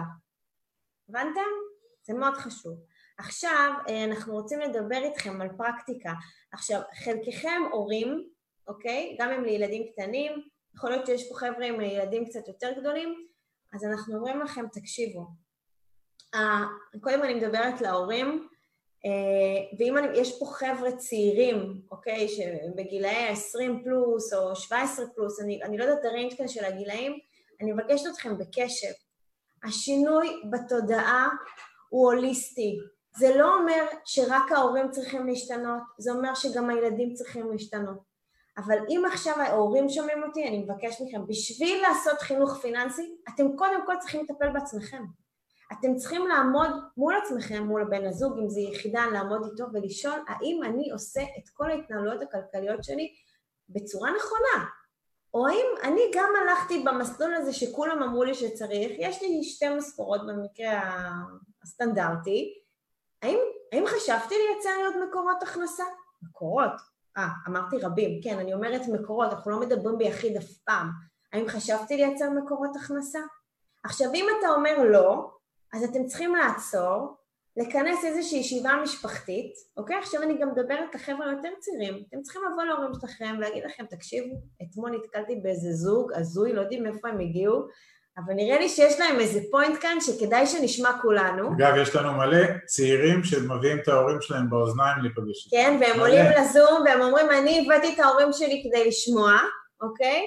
עכשיו חשוב לי לומר, תקשיבו, יש לנו הרצאות של שעה וחצי ברשת, לא מעט, צריך לשמוע את כל ההרצאה בשביל להבין את כל הסיפור שלי ושל עמית, כי לפעמים אתם יכולים לשמוע את זה ולבוא להורים ואז הם יגידו, אוקיי, אנחנו לא יודעים מה קרה לכם, את מי שמעתם, הם בטח מנסים למכור לכם משהו, אז אתם כבר יכולים להוריד את כל זה, אנחנו לא מוכרים לכם שום דבר, אנחנו רק רוצים לעורר אתכם ולהגיד לכם שכל אחד יכול לדאוג לשינוי הכלכלי שלו כבר מעכשיו, אוקיי? כבר מהסשן הזה אתם תצאו מפה עם, דברים שאתם יכולים לשנות מחר בבוקר, ואני מבקשת שתהיו שקופים בנושא כסף. הכל בסדר, לא צריך להחביא אותו, לא צריך לדבר עליו בשקט. הילדים יכולים לדעת כמה אתם מרוויחים, לא קרה שום דבר. ואם אתם מתביישים בכמה שאתם מרוויחים, אז אתם צריכים לטפל בזה, כי כנראה אתם לא בדיוק במסלול הנכון. הילדים לא צריכים לדעת, הילדים חייבים לדעת כמה אתם מרוויחים, והילדים חייבים לדעת גם כמה עולה לתפעל את משק הבית, כי הם חלק בתוך המפעל הזה. אז אם הם חלק בתוך המפעל והם לא מבינים שיש עלויות שהם אחראים אליהם, ובגלל העלויות האלה להורים לא נשאר כסף לחסוך, ובגלל זה הם לא יצברו הון, אז זה בעיה. עכשיו, מה שאגב אמרה פה, ההורים צריכים לעשות את השינויים. חבר'ה, זה לא קורה בן לילה. לא, ממש לא. מבחינתנו הישג נדרש מרכזי, אם תהיה פה, כמו שאמרתי, איזה בעיטה או סתירה, אגב, יכול להיות שכולם כבר ארכי יזמים ואנחנו מדברים כבר למתקדמים, אבל כנראה שרוב מעמד הביניים בישראל עדיין מדשדש איפשהו בבורות פיננסית. אז מי ש... החשיבות הגדולה של ההרצאה הזאת זה מי שמצליח לקחת פה את הזה ובאמת להבין, אוקיי, אני, יש לי פה לקונה, אני, יש לי חסך, כנראה שמה שהם אומרים יש בזה דברים, אז בואו ניכנס ונתחיל ללמוד. וכמו שאנחנו למדנו, זה נורא קל נורא היום, קל. זה נמצא בכל מקום, ואז ההורים מתחילים ללמוד והלמידה שלהם גם תסחוף את הילדים. זה לא אירוע של יום. בשבוע וחודש. זה אירוע של שינוי mindset, שינוי תודעה, שינוי חשיבה ושינוי התנהלות. זה משפיע, יש לנו אה, סשנים שהקלטנו עם, אנחנו קוראים להם חברים שהיו איתנו בפגישות, והם מספרים, אתם יכולים למצוא את זה באתר שלנו, זה נקרא מהשראה לעשייה, הם מספרים איך ילדים שלהם נכנסו להשקעות איתם. בני 15, היה לנו ילד בן 11 שמשקיע, ילד בן 14, ש... או ילדה בת 14 שעושה קורס בשוק ההון, למה? כי ההורים התחילו לדבר, הם רק דיברו, ואז אומרים, יא, כאילו, גם אפשר לדבר על עוד דברים חוץ מקורונה, אתם יודעים, וסגר, ושמגר, ותסגרו את הטלוויזיה, אל תשימו להם חדשות, זה מיותר, יש כל כך הרבה דברים אחרים שאפשר לעשות, ואתם לא יודעים איזו הפריה הדדית יש לכל הנושא הזה. עכשיו נתנו כמה דברים שאפשר לעשות עם הילדים, אוקיי? דברים ממש זה, לשתף אותם אה, מכלכלת הבית, אוקיי? לדבר איתם על תקציב, איך מנהלים תקציב, זה אומר, יש לנו את המשכורות, כמה מזה הולך לסופר, כמה מזה הולך לחשמל, ילדים צריכים לדעת כמה הדברים האלה עולים. הרי בסוף כשהם הולכים לשכור את הדירה הזאת בתל אביב, הם לא יודעים כלום, הם פתאום מבינים, אה, יש ארנונה, יש גד, מה, מה זה הדברים האלה? אני לא ידעתי. אני לא ידעתי. אה, לא מזמינים כל היום סושי והכל סבבה? לא. סורי, זה לא עובד ככה, אתה גם צריך לשטוף כלים, אתה צריך לשלם חשמל, אתה צריך לשלם מים, יש דברים כאילו שקורים. לחשוף אותם למספרים עושה סדר, אתם לא יודעים מה קורה בפגישות הוליסטיות כאלה, שפתאום אתם מדברים איתם בארוחת צהריים על כסף, ופתאום אתם מתחילים לשמוע כל מיני פנינים של ילדים על כסף, רגע, אז אפשר לעשות ככה, ואם לא נלך למסעדה ולא נזמין פעם בשבוע, אז אפשר לחסוך, ואפשר לעשות כל מיני רה-ארגון כלכלי משפחתי, זה מעלה יזמות, זה מעלה רעיונות, זה מעלה פשן, זה מעלה כיף, ונפתח שיח חדש, וכמובן לשתף אותם בכל המהלכים. חוץ מזה, אתה רוצה לומר משהו שאני אני רוצה אה, שתעודדו, תעודדו אצל הילדים חשיבה יזמית. היום ילדים עושים כסף בטיק טוק, הם עושים כסף באינסטגרם, הם עושים כסף ביוטיוב, הם פשוט פותחים את הטלפון שלהם, הם פותחים את המחשב שלהם, הם טובים במשהו, תעודדו אותם, תשאלו אותם, תיכנסו, תנסו להבין מה, מה קורה סביבם ואתם לא יודעים איזה דברים חדשים יכולים לצאת. אני רוצה לדבר פה על הערך, כי אנחנו מדברים עליו הרבה, וזו סוגיה מאוד מאוד מאוד חשובה. במה הם טובים, מה אנחנו מוסף שלהם, וזה אנחנו אומרים גם לאנשים שנפגשים איתנו, לא משנה באיזה גיל. אנחנו מבינים, והבנו את זה במרוצת השנים האחרונות, שאנשים מתוגמלים או משלמים לאנשים לא על השעות שהם מוכרים, בסדר? אם נמכור את השעות שלנו תמורת שכר, תהיה לזה תקרה, אז יהיה 50 שקל לשעה, 100 שקל לשעה, 200 שקל לשעה, 500 שקל לשעה, בסדר? עדיין תהיה תקרת זכוכית, אז פה הרבה יקפצו, יגידו, אני סוגר עכשיו על 500 שקל לשעה, אני אומר לכם שזה לא הסיפור, לא משם בא הכסף הגדול, הכסף בא מערך, מ-value, מ-value, מערך שאנחנו יכולים לייצר, אנחנו זה כל אחד. כל אחד. כל אחד יכול לייצר ערך מוסף שהרבה מאוד אנשים יהיו מוכנים לשלם עליו כסף. וזו סוגיה, סוגיה מאוד מאוד עמוקה להבנה וצריך לצלול בה וגם לנו זה לקח הרבה מאוד זמן להבין. לדעתנו אנחנו היום, יש לנו הרבה ערך לחלק ובמעגלים של זה זה גם עושה לנו כסף.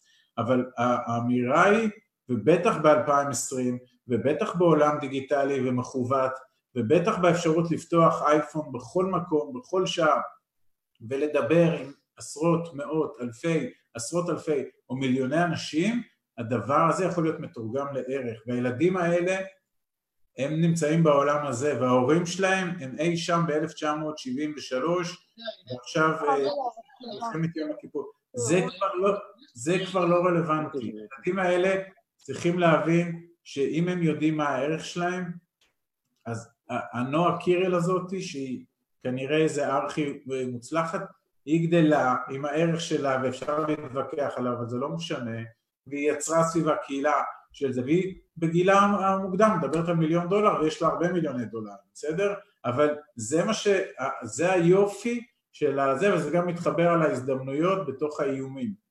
הנה עכשיו יש איום שנקרא קורונה, אז כל מי שיבחר עכשיו את תסמונת הצו, אני נכנס עם הרגליים והראש בתוך השריון, מחכה שימצאו חיסון, אולי זה יעבוד ואולי הוא ימות מרעב, אבל מי שיסתכל על, האיום, על ההזדמנות תוך האיום, כל מיני וולט כזה, שפתאום כל הארץ נוסעת עם אופניים עם תרמיל כחול ויכולה להביא לך עוגייה בחצי, מכאן לשם בחצי שעה, בסדר? מאיפה זה נולד כל הדברים האלה? יש המציאות שמשתנה מייצרת גם הזדמנויות ופה צריך לפתוח את הראש ומי שמקובע עם אותו ארגז שדיברנו עליו בבית ספר ורגיל לתת רק תשובה ג' ורגיל שאומרים לו מה לעשות ורגיל ללכת לישון בזה ואחרי זה ללכת לצבא ואחרי זה ללמוד ואחרי זה פסיכומטרי ואחרי ואחרי הוא לא יתאים את עצמו למאה ה-21 צריך כל הזמן להסתכל על זה, כל הזמן לראות את האיומים וההזדמנויות וכל הזמן להסיט וזה חייב לבוא גם מההורים. כן. בסדר? זה ההוליסטיות שדיברנו עליה. ורק לסיום פה, אנחנו מדברים על תוכנית עבודה, כי בסוף כשהורים נפגשים איתם, אנחנו נותנים להם תוכנית איך להביא את עצמם לסוג של רווחה כלכלית או יצירת הכנסות פסיביות, אז גם ילדים, אם ילד נורא רוצה להיות נועה קירל, אז אין בעיה, אז בואו תסבירו לו במה זה עומד. אז היא כנראה עשר שעות ביום עומדת מול המראה ושרה ורוקדת ונופלת ושרה ורוקדת ונופלת. צריך לבנות את התוכנית, זה לא נופל מעצמו, להכניס את הילדים ולהכניס את הכל גם לתוך הסתכלות פיננסית כלכלית, כי זה לא קורה מעצמו. כן, אז תראו, אנחנו נכנסים עכשיו לדוגמה אישית, אה, אנחנו צריכים אתכם מרוכזים, הולכים להיות פה מספרים, הולכת להיות פה טבלה, אל תיבהלו, זה לא כזה מסובך, חלקכם תשמעו פה מושגים בפעם הראשונה, חלקכם תגידו, וואה, בואנה, איך הוא חשב על זה, איזה אלופים, אה, חלקכם תגידו, טוב, הם חפרו לי ממש, אז זה לא אכפת לנו, אנחנו רוצים אתכם בקשב, ואתם הולכים להיות עכשיו בין 10 דקות ל-12 דקות מולנו בקשב. סבבה חברים? מי שרוצה לרשום זה הזמן, אנחנו נוכל לשלוח את המצגת הזאת לכל מי שצריך. הסיפור, איך אומרים? based on a true story, ממש לפני כמה ימים. אה, כן. נתחיל. נתחיל. טוב, אז הגר הפחידה אתכם נורא, אה, לא, תישארי פה. נשאר פה. הסיפור הוא סיפור אישי שמדבר על הבת שלי שהשתחררה ממש לפני כמה ימים מה... מהצבא. מצבא ההגנה, ולמעשה אה, היא, אה, אני יושב איתה ומדבר, ואני אומר לה, אוקיי, מה את רוצה לעשות? ואז מה היא אומרת שהיא רוצה לעשות? תספרי להם. היא רוצה להיות מלצרית. היא רוצה להיות מלצרית, אוקיי. ואז אני אומר לה, בסדר, וכמה תרוויחי בתור מלצרית? כמה את חושבת שאת מרוויחה? היא כמובן עשתה בדיקה. אה, והיא אמרה, אני חושבת שאני ארוויח 8,000 שקל בחודש. אמרתי לה, סבבה. כמה את חושבת שאת צריכה בשביל לחיות? אז כמה היא אמרה לנו? אלפיים. אלפיים שקל. אז אמרתי לה, אוקיי, בסדר, את גרה אצל ההורים והכל, אז יש לך אלפיים שקל, זה אומר שיש ששת אלפים שקל פנויים באוויר כל חודש, נכון? אמרה לי נכון. אמרתי לה, את רוצה להיות מיליונרית עוד 12 שנה? מה היא אמרה לנו? למה לא? כן, ואז אמרתי לה, תקשיבי, בשביל להיות מיליונרית עוד 12 שנה, אני צריך שהששת אלפים שקל האלה שלך כל חודש יישארו, את לא תוציאי אותם. זאת אומרת, היום את חיה רק מאלפיים. מחר שתחיי על חמשת אלפים, אני צריך שאת תרוויחי 11,000. ששת אלפים ילכו לצמיחה הכלכלית שלך, ועם חמשת אלפים את תחיי. ועוד חמש שנים שאת מעשרת אלפים שקל בחודש, אני צריך שתרוויחי 16,000. כי הששת אלפים במשך 12 שנים לא הולכים לחיים שלך השוטפים, הם באים למנגנון שיעשה אותך מיליונרית בגיל 33. היום היא בת 21. האם את מסוגלת לדבר הזה? עכשיו תקש, תסתכלו על עצמכם מה אני אומר פה, אני אומר האם אתם יכולים בכל רגע נתון לחתוך חלק גדול כנראה מההכנסה לטובתכם. עכשיו האינסטינקט של הרוב האנשים, מה פתאום, איפה הוא חי, הוא מקשקש. אני אגיד לכם על זה שרוב האנשים, הרוב המכריע של האנשים שמקבל עובד, לא משנה איפה, בכל חודש משלם למדינה אלפי שקלים, אלפי שקלים למס הכנסה וביטוח בריאות וביטוח לאומי, בין אלפי לעשרות אלפי שקלים, לאף אחד אין בעיה עם זה. לא.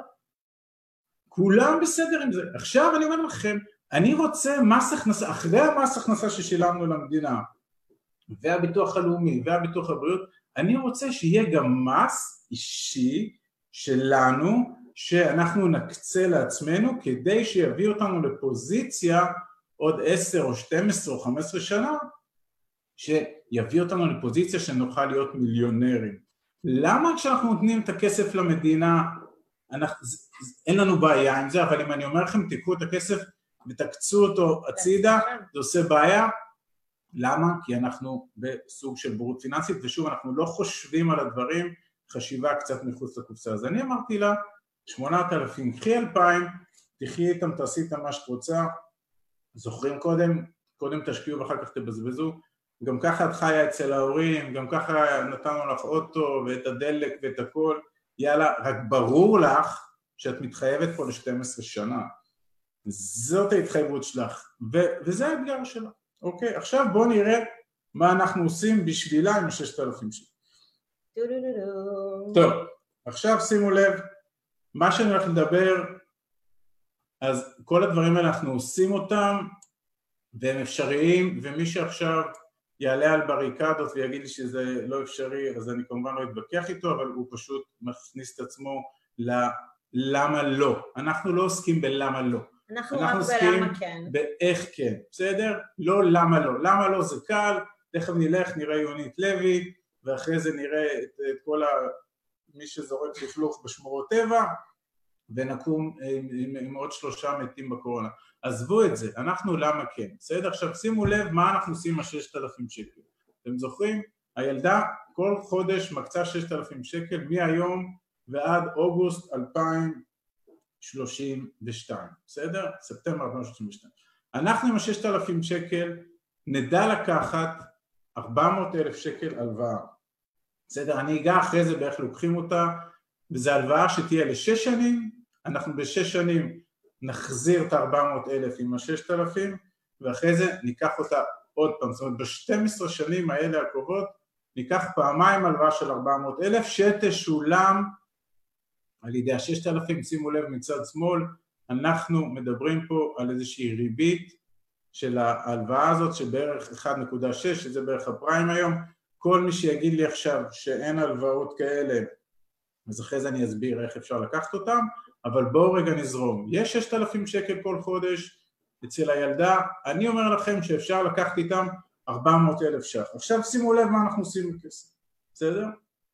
אנחנו נשקיע את הכסף במסלול חוב בכיר, אנחנו כרגע לא הולכים לנדל"ן קלאסי שמדובר בו על לעיתים יזמות ועליית ערך בקצה, אני לא הולך לזה, ממש לא, אני הולך למסלול, ויש לנו כאלה השקעות, שנקרא מסלול חוב בכיר, אנחנו מלווים את הכסף שלנו תמורת ריבית שנתית של 8% נטו. האם יש חיה כזאת? כן. איך אני יודע? כי אנחנו משקיעים במקומות כאלה. בסדר? כל מה שאני אומר פה אנחנו עושים יום יום. אז ניקח 400 אלף, כמובן נפזר את זה בכמה מסלולים, אבל בסוף התשואה על 400 אלף תהיה 8 אחוז נטו, ואני מזכיר כל חודש מי שישלם את ה-400 אלף האלה יהיה ה-6,000 שהילדה ידע להקצות לנו, זה יעשה לנו רווח שנתי של 32 אלף ש"ח. זאת אומרת 400 אלף מ-400 ייוולדו לנו כל שנה 32 אלף ש"ח. האם בזה אנחנו מפסיקים את החיסכון? אז תכף נראה איך אנחנו מתקדמים. תעבירי לי בבקשה. יופי. עכשיו שימו לב, טיפ טיפה מספרים, לא להיבהל. אני אסדר רגע שזה כולם... לא להיבהל. שימו לב מה קורה, בסדר? השמונה אחוז שנתי במסלול חוב בכיר, אתם זוכרים, הם עושים 32 אלף ש"ח. שימו לב, יש פה מצד ימין את השנים, אמרתי תוך 12 שנים הילדה תהיה מיליונר, בסדר? ולמעשה כל שנה יש 32 אלף, 32 אלף, 32 אלף, אם נסכום את כולם, תכף נראה כמה נקבל, אבל אנחנו רוצים גם עם ה-32 אלף האלה, אנחנו רוצים למקסם אותם, אנחנו רוצים שגם הם יעבדו. אנחנו רוצים שהכסף יעבוד עבורנו, לא אנחנו עבור הכסף, נגמר. התבלבלנו, אנחנו עובדים בשביל נייר, שנייר יעבוד בשבילנו, אם אנחנו היצור הכי חכם, אז איך אנחנו עובדים בשביל קשקוש? שהקשקוש יעבוד עבורנו. אז אנחנו לוקחים את ה-32 אלף שקל האלה כל שנה, ומשקיעים אותם בכלי פיננסי שנקרא פוליסת חיסכון, אני לא ארחיב עליו, זה כלי שמשווק על ידי חברות הביטוח, וזה כלי שעושה בממוצע בשנה, בחמש השנים האחרונות, עושה שבעה אחוז אה, אה, אה, רווח על הכסף, יכולה להראות גם מאיפה אני מוציא את, ה...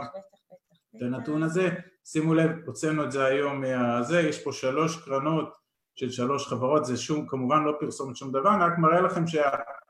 בעמודה השמאלית בחמש שנים 37 אחוז, 35 אחוז, 35 אחוז, תחזרי, זה אומר שבסופו של דבר אנחנו מדברים, שוב, זה שוק ההון, אז זה יכול להיות קצת יותר, קצת פחות, אבל אני מנסה פה לצייר איזה תמונה, אז אנחנו אומרים שכל שנה ה-32 אלף ש"ח האלה יעשו 7 אחוז, ופה ייכנס אלברט איינשטיין עם הריבית דריבית. למה?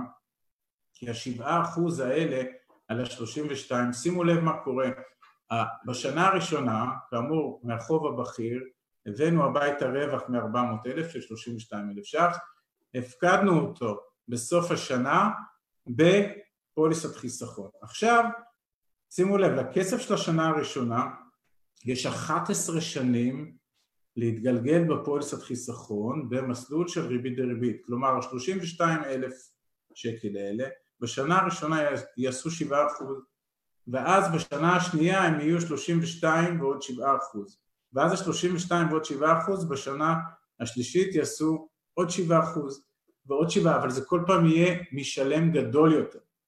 ולכן שימו לב מה קורה, הכסף שהפקדנו בשנה הראשונה, מקץ 11 שנים, כי שנה אחת כבר עברה, מקץ 11 שנים יעשה רווח של 35 אלף שקלים. הפקדנו 32 אלף בשנה, בסוף השנה הראשונה, אחרי שקיבלנו את השמונה אחוז, ואחרי 11 שנים, ה-32 האלה נשארו 32 וגדלו בעוד 35.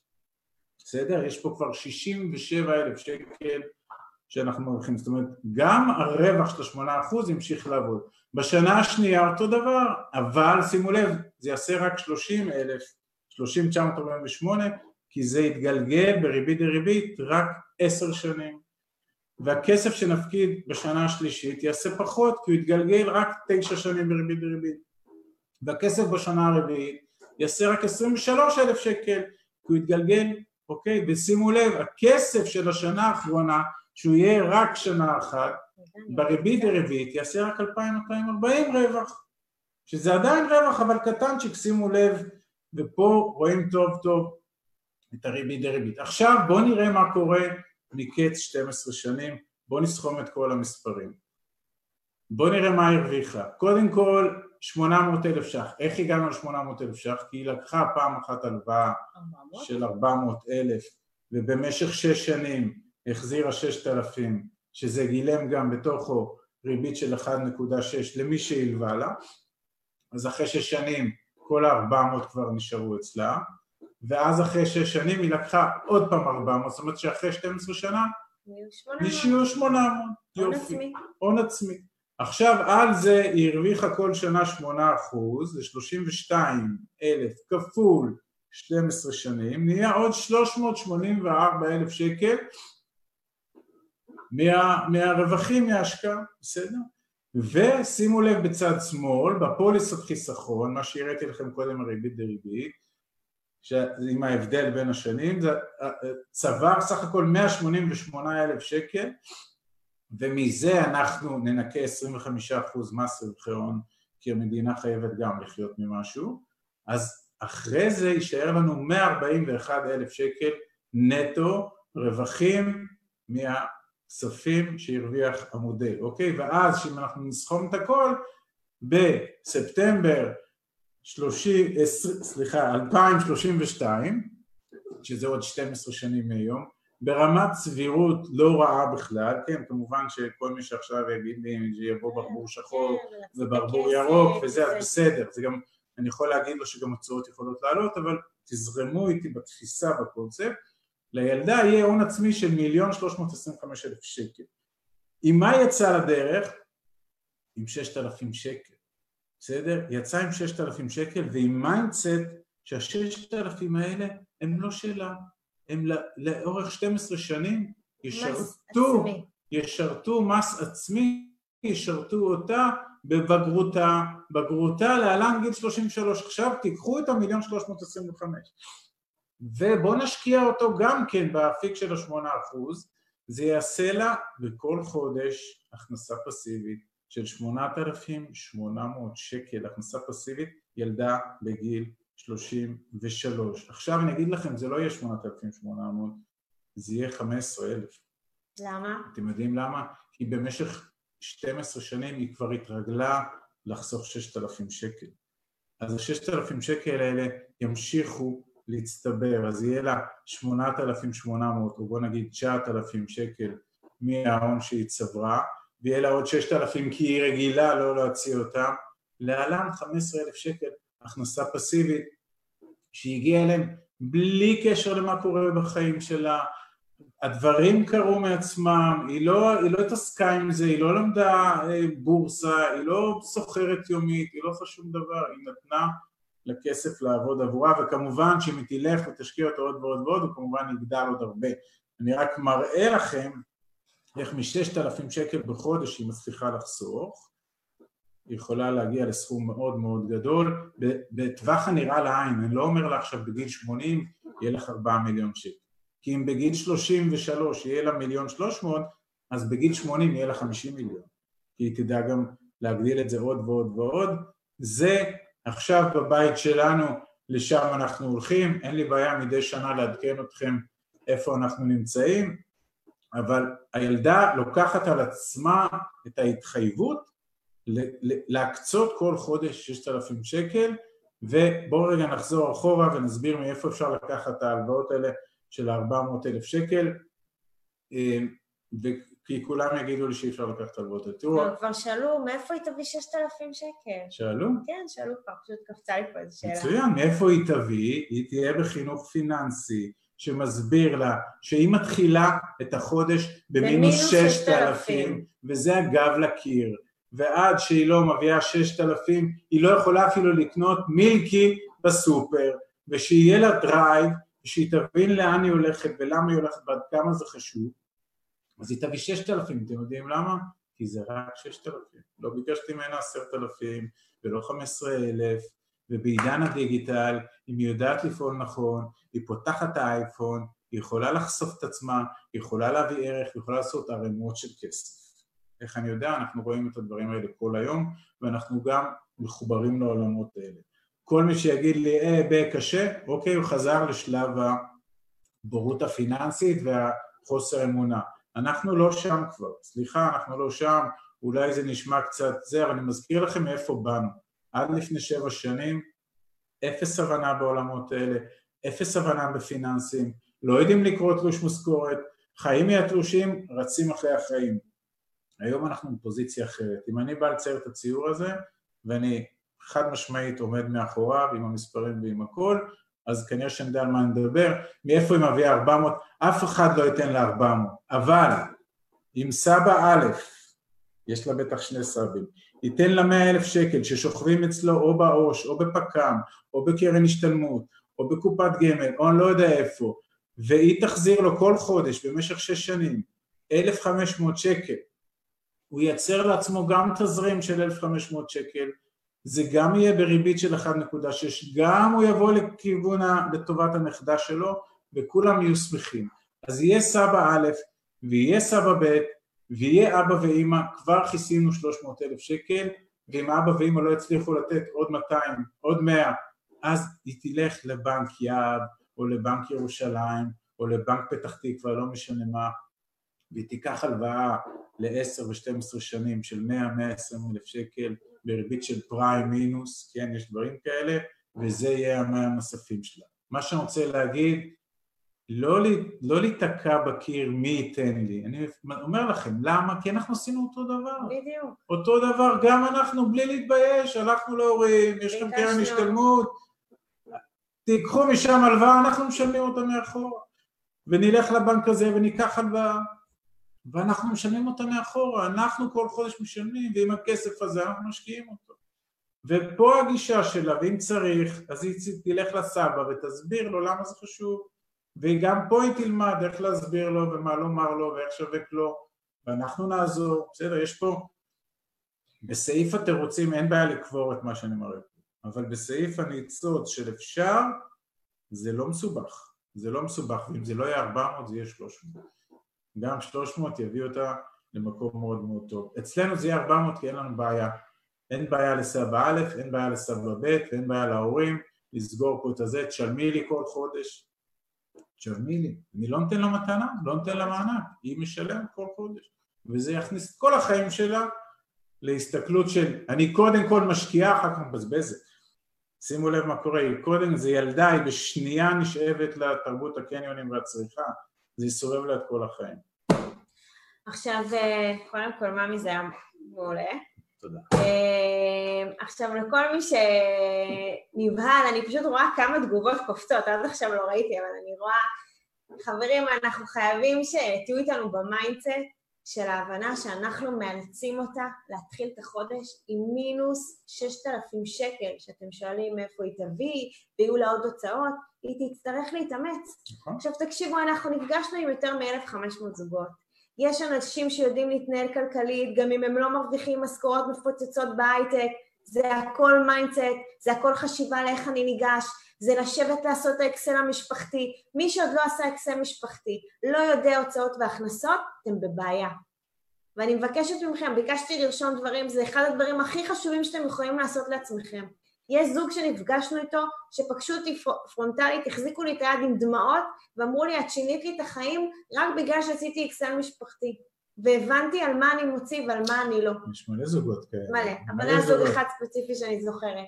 עכשיו תראו, בשקף שעכשיו אנחנו רואים מול- מולנו, יש פוליסת חיסכון, יש חוב בכיר, אתם בטח אומרים, רווחים מצטברים, 7 אחוז, 8 אחוז. ריבית דריבית. תקשיבו, עזבו את הסינית. תקשיבו. אנחנו היינו צריכים לעצמנו מורה נבוכים. לא מצאנו, אוקיי? לא מצאנו. אז אמרנו, אם אין לנו, אנחנו עושים לעצמנו. ואם אנחנו לא יודעים מה זה ריבית דריבית, ואם לא ידענו שאפשר למנף קרן להשתלמות, ואם לא ידענו מה יש פוליסת חיסכון, אנחנו חפרנו. אנחנו חפרנו, ואנחנו למדנו, ואנחנו בדקנו, ואנחנו חיפשנו, ואנחנו מצאנו. והיום אנחנו נמצאים במקום שאנחנו יכולים לשתף אתכם, ואנחנו יכולים להגיד לכם בלב שלם שחברים זה עובד, ושלב התירוצים לא מעניין אותנו, ואנחנו באמת לא נתייחס לדברים של מה, אבל השקעה יכולה ליפול. השקעה יכולה ליפול, בבקשה, כולכם ללכת ליוטיוב שלנו עכשיו, לראות את העסקה שנכשלה, תשמעו שם על המספר שהפסדנו, אנחנו מדברים על הכל, ותגידו לי אם לא התרוממנו ואם לא זה עשה אותנו יותר חזקים. אז הכל חוזר שוב פעם ל mindset, להוליסטיות, לכמה שאנחנו רוצים שתפרצו את תקרת הזכוכית, תצאו מהארגז, תלכו לעשות הרבה כסף. וגם לסוגיה של ההשקעה יכולה ליפול, אני מחזיר אתכם לשקף של הארבע אקסיומות, תוחלת חיים, יוקר מחיה, פנסיות מתרחקות ומתקבצות וביטוח לאומי קורס, בסדר? תשימו את זה מול העיניים, אל תעשו השקעות, אל תעשו כלום, תלכו לישון, תקומו בגיל 75 או 80, כי אז תהיה פנסיה, ואז תספרו לי איך אתם חיים מגיל 80 עד גיל 100, שבאחת נחתכה לכם ההכנסה, ההוצאות הרפואיות כנראה תהיינה מאוד גבוהות כדי לשמר אתכם בצמר גפן עם כל המחלות שיהיו, כן? כי ככה זה זקנה. עכשיו בואו נשלם את ה-20 שנה. אז ההשקעה שתיפול, שתיפול לה בגיל 30, וואלה, תיפול ההשקעה, היא תפסיד 100 אלף שקל, וואו, אוקיי? תפסיד 200 אלף שקל. שימו לב למספרים. אני רוצה שתיפול ההשקעה, אני רוצה, למה? הכל הצלחות. ממש לא. תומאס אדיסון כל יום המציא את החוט להט במנורה. בסוף זה עבד. אז זה, זה, זה פחות או יותר הדברים לדעתי. תקשיבו, אני מקווה שהיה לכם טוב, ושנהנתם, ושלא נבהלתם, ושכן נבהלתם, וכמובן שאנחנו עוברים לשאלות אה, תשובות, תפציצו, אנחנו עונים על הכל. אה, איבון, את אה, תרצי שנפתח את המשתתפים, את עושה את זה, אני מעדיפה שאת תעשי את זה. מה שבא לכם, אני ראיתי כמה, ראיתי כמה תגובות, אני רואה כמה שאלות שקופצות, אבל אולי איבון תנהל את זה הרבה יותר טוב ממני. אוקיי, אז אה, עומר שואל, איפה ההשקעה בחוב בכיר? אה, רגע, אז אוקיי, אוקיי. סבבה. אז קודם כל, זה כבר שאלות טקטיות. אה, לא ניכנס לזה עכשיו. מי שרוצה באמת לדבר איתנו, מה שהגר אמר בהתחלה, ייצרו איתנו קשר דרך, ה... דרך האתר. יש גם אה, לינק, אני מניחה שתכף אחייד ישים לכם לינק, או שפשוט באמת תיכנסו לאתר שלנו, אה, עמית והגר בגוגל, בידי דרור סבויאל, תשאירו לנו שם אה, צור קשר, אנחנו נחזור אליכם עם כל. כן, אני ממש לא רוצה כרגע להיכנס להשקעה, כי זה, ההרצאה זה לא הייתה רלוונטי. מאוד מאוד מאוד אסטרטגית ומאוד מאוד מקרו. בטקטיקה, במיקרו, יש לנו כמעט תשובות להכל, זה לא בעיה, אז תיצרו איתנו קשר ונדבר. הנה, יש לינק בצ'אט, אה, אחייד מקסים שם, אז אתם יכולים פשוט אה, לרשום לנו שם שאלות ואנחנו נחזור אליכם כמובן. יאללה, איבון, מה עוד? אה, אין לי כרגע שאלות. אה, אני פשוט רואה. יש לי פידבקים מדהימים. מה שמרגיש, זה היה ארוך. יאללה, מה השעה? נמצא לעשר. בסדר, אנחנו פה חברים, היה מישהו ש... אני יכולה להגיד רגע משהו? תן לי גלי. קוראים לי ליגל, ואני הקשבתי לסירוגין כי אני לא בבית, אבל הייתי איתכם, וכל פעם שחזרתי כן הצלחתי להקשיב, וכן הצלחתי אה, לייצר לפחות אצלי תמונה כלשהי בראש, ורק רציתי להגיד שלקחתי מזה כל מיני דברים שגרמו לי לחשוב. אני חושבת שזה החלק הכי חשוב, ולומר תודה גם. איזה חמודה, ממש תודה. המון תודה, סליחה? ותשמעי את ההקלטה, אז יסגור לך גם אני את ה... אשמח, אני ממש מתעסקת בדבר הזה בתקופה האחרונה, וזה באמת בלאגן בראש, ואני ממש מסכימה עם ה mindset, זה משהו שצריך לעבוד עליו ולהשקיע בו, ולשאול את השאלות הנכונות, ולעשות את התהליך הנכון. תצליחי אם ככה את מדברת, אני לא מסתכלת נכון. תודה רבה. כן. שיהיה לך בהצלחה. תודה לי גלי. תודה, תודה לכם. לדורון יש שאלה, אם תוכלו להגיד בבקשה רשימת מקורות הלוואה שכדי לבדוק איתם. מה? קורות הלוואה. אה, כן. איפה אפשר להלוות כספים? אם תוכלו להגיד בבקשה רשימת מקורות הלוואה שכדי לבדוק איתם. כן. אז מי זה שאל? דורון. דורון. אוקיי, אז ככה, אה, אבא, האם יש לך כסף להלוות לי, האם יש לך כסף בעו"ש, האם יש לך כסף בשוק ההון, האם יש לך כסף בקרנות השתלמות, האם יש לך כסף בפוליסות חיסכון, האם יש לך כסף בעו"ש, קודם כל להתחיל מהמעגל המשפחתי, כשאני אומר אבא זה גם אימא, בסדר? ואם אתם זוג נשוי אז זה כבר כפול שתיים, זה אבא ואימא ואבא ואימא, קודם... אוקיי, קודם כל ברמה הזאת, אחרי זה אצלנו פנימה כל אחד ברמה שלו, למי שיש קרן השתלמות אפשר ללוות ממנה היום כמעט עד 80 אחוז, גרייס, שנקרא לא לשלם קרן, למי שיש קופת גמל אפשר לעשות את זה, מתוך הקרן פנסיה יש פיצויים, אפשר ללוות משם כסף, זה ברמה הזאת, אחרי זה, עד עכשיו זה ההלוואות הזולות. מי שבמקום עבודה שלו, מי שבהייטק, כמעט לכל מקום עבודה יש איזשהו כוח חברתי, כוח כלכלי כזה ואחר, אם זה הייטק זון, אם זה עובדי מדינה, אם זה עובדי משרד הביטחון, כל מיני כאלה קבוצות לחץ, לרוב יש להם גם תנאים יותר טובים או מעבודה או בבנקים, או בזה, אז גם את זה ללכת ולבדוק, והרמה הכי גבוהה זה פשוט ללכת לבנק ולבקש הלוואה. ולבקש הלוואה לכל מטרה, או הלוואה להשקעה בנדל"ן, ופה כבר צריך קצת להסביר גם, להראות מאיפה תחזירו. כמובן שאנחנו אומרים לאנשים, תיקחו הלוואות רק אם יש לכם מאיפה לשלם אותם. שימו לב, גם בדוגמה שאמרתי, אם הילדה לא תביא 6,000 שקל כל חודש, זה, זה יקרוס, בסדר? ולכן אני כאבא שלה, בתרחיש שזה יקרוס, כי זה יכול לקרות, אז אני אקח את ה...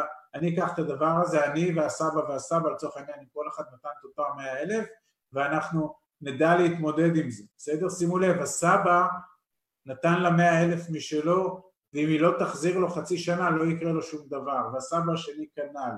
ואם היה פה הלוואה מהבנק והיא לא הצליחה להחזיר, אז אני והגר ניכנס תחת לאלונקה, זה לא בעיה. ואני אומר לכם, מי שהולך לקחת כספים והלוואות ומינופים, קודם כל שיראה שיש לו מאיפה להחזיר אותם. בסדר? וההלוואות האלה הן לא הולכות לסגור מינוס, זה הלוואות שהולכות להשקעות כדי להגדיל לכם את ההון העצמי, חמש, עשר, חמש עשרה שנה, לייצר לעצמכם מסה של כסף שממנה אחרי זה אפשר להתחיל ולראות פירות של הכנסות פסיביות הולכות וגדלות כמו שהראיתי לכם. ב-12 שנה יכולה להגיע ל-9,000 שקל הכנסה פסיבית. יש הרבה מאוד אנשים בארץ שלא מרוויחים את הסכום הזה גם שהם עובדים 12 שעות ביום, בסדר? אז שימו לב לדבר הזה. עכשיו, ראיתי שמרואן שאל, כבר יש כסף, אבל איפה הכי בטוח להשקיע? תשמע, זה בדיוק מה שעשינו והקמנו את המודל שלנו ופשוט תלכו לשמוע אותו, בחירת שחקני אלפא, יש שם מתודולוגיה מאוד מדויקת איך אנחנו בוחרים את ההשקעות שלנו, אנחנו לא נרחיב עכשיו כי זה, אתם כבר תיגמרו, אז פשוט תלכו לשמוע ותראה אם אתה בכלל מתחבר לקונספט שלנו. ברגע זה מעסיק אותי למה אמא ואבא אף פעם לא אמרו כמה כסף הם מכניסים, אני הולך לשאול אותם, תודה ענקית. תמיד והגר. כן, ההורים... אבל כן, תשאלו, הכל טוב. הם יודעים כמה אתם מרוויחים, למה שאתם לא תדעו כמה הם מרוויחים? נראה אם הם מסמיקים. האמת זה גם נחמד לשאול אה, מה אתם עושים עם הכסף, מה, איפה השקעתם? שאלו אותם, איפה אתם משקיעים? ואז הם יסתכלו עליכם, מה אתם? לא, אנחנו יכולים להגיד, מה, אתם רוצים לדעת איפה אנחנו משקיעים? כן, זה במקרה הטוב. אם במקרה לא הרע משקיעים- כזה, מה? מה, כסף בעו"ש. טוב, תקשיבו, אה, הקיצר, אנחנו זמינים לכל שאלה, דרך היוון, דרכנו, דרך בר, מה שבא לכם, אה, תודה, תודה, תודה על הזמן, תודה זהו ש- אגב. ממש- קשה להיפרד מכם. אנחנו יכולים להישאר, אבל זה נראה לי, כאילו, תודה גם ששמרתם פה על ערנות והייתם איתנו בקשר כל הזמן, ואנחנו מקווים שהעברנו את המסר שלנו. אה, אם אתם רוצים עוד מאיתנו, אז שוב פעם, בכל ערוצי הפודקאסטים, יוטיוב, אנחנו all over, אה, תצאו, תשכילו, תעשו כסף, שיהיו לכם, שתהיה שנה טובה, כי אנחנו תכף מתחילים שנה חדשה. אה, זהו. יופי. אז אה, לפני שאנשים יוצאים, אה, אני אשמח מאוד אם תוכלו לענות על הסקר, מאוד יעזור לנו. ולזוג המושלם המיוחד, עמית והגר, תודות רבות מאוד על ההרצאה המצוינת. ההרצאה הייתה ממש ממש מעשירה, מהנה, פרודוקטיבית. תענוג, תענוג פשוט להקשיב לכם ולקבל נקודות לטיפול ולמחשבה. ומורגש פשוט שאתם ממש מקצוענים, מונעים מתוך שליחות אמיתית, אתם חולקים את הידע והטיפים שלכם באופן נדיב, פתוח, וכל משתתף אה, יוצא נשכר בגדול. אז באמת תודה רבה ולילה טוב. תודה. שנייה, שנייה, אז קודם כל כן. תודה לכם, תודה אה, איבון על ההזדמנות, ואני אומר עוד פעם, אנשים תנסו לראות את ההרצאה, שוב מי שיתחבר עוד פעם ועוד פעם, כי יש פה מסרים, אנחנו יורים אותם, לנו זה לקח הרבה מאוד זמן להפנים ומזה ליצור תוכנית ולזקק, וכל מה שהראיתי פה בסוף זה לא טריוויאלי מה שהראיתי, ולא כולם אולי נשארו איתי עד הסוף, וחלק נפלו בדרך, תראו את זה עוד פעם, ועוד פעם תבינו, ואם תרצו גם לשאול שאלות מתי שאתם רוצים, ומי שירצה את. המצגת, אין בעיה. מי שרוצה את. המצגת ניתן הכל, רק תיקחו ותעשו, כי החיים הולכים להיות מאוד נעימים, אבל מאוד יקרים וארוכים. נענה על הסקר בטח. איפה הסקר רק? בצ'אט? הנה, שלחתי, כן. רוצה שנענה עליו? אפשר גם. אנחנו נענה בשמחה. אה, בסדר. תודה רבה, ובאמת תודה לכם. תודה למשתתפים היקרים, תודה. שיהיה לילה טוב. לילה טוב. ביי, לילה טוב.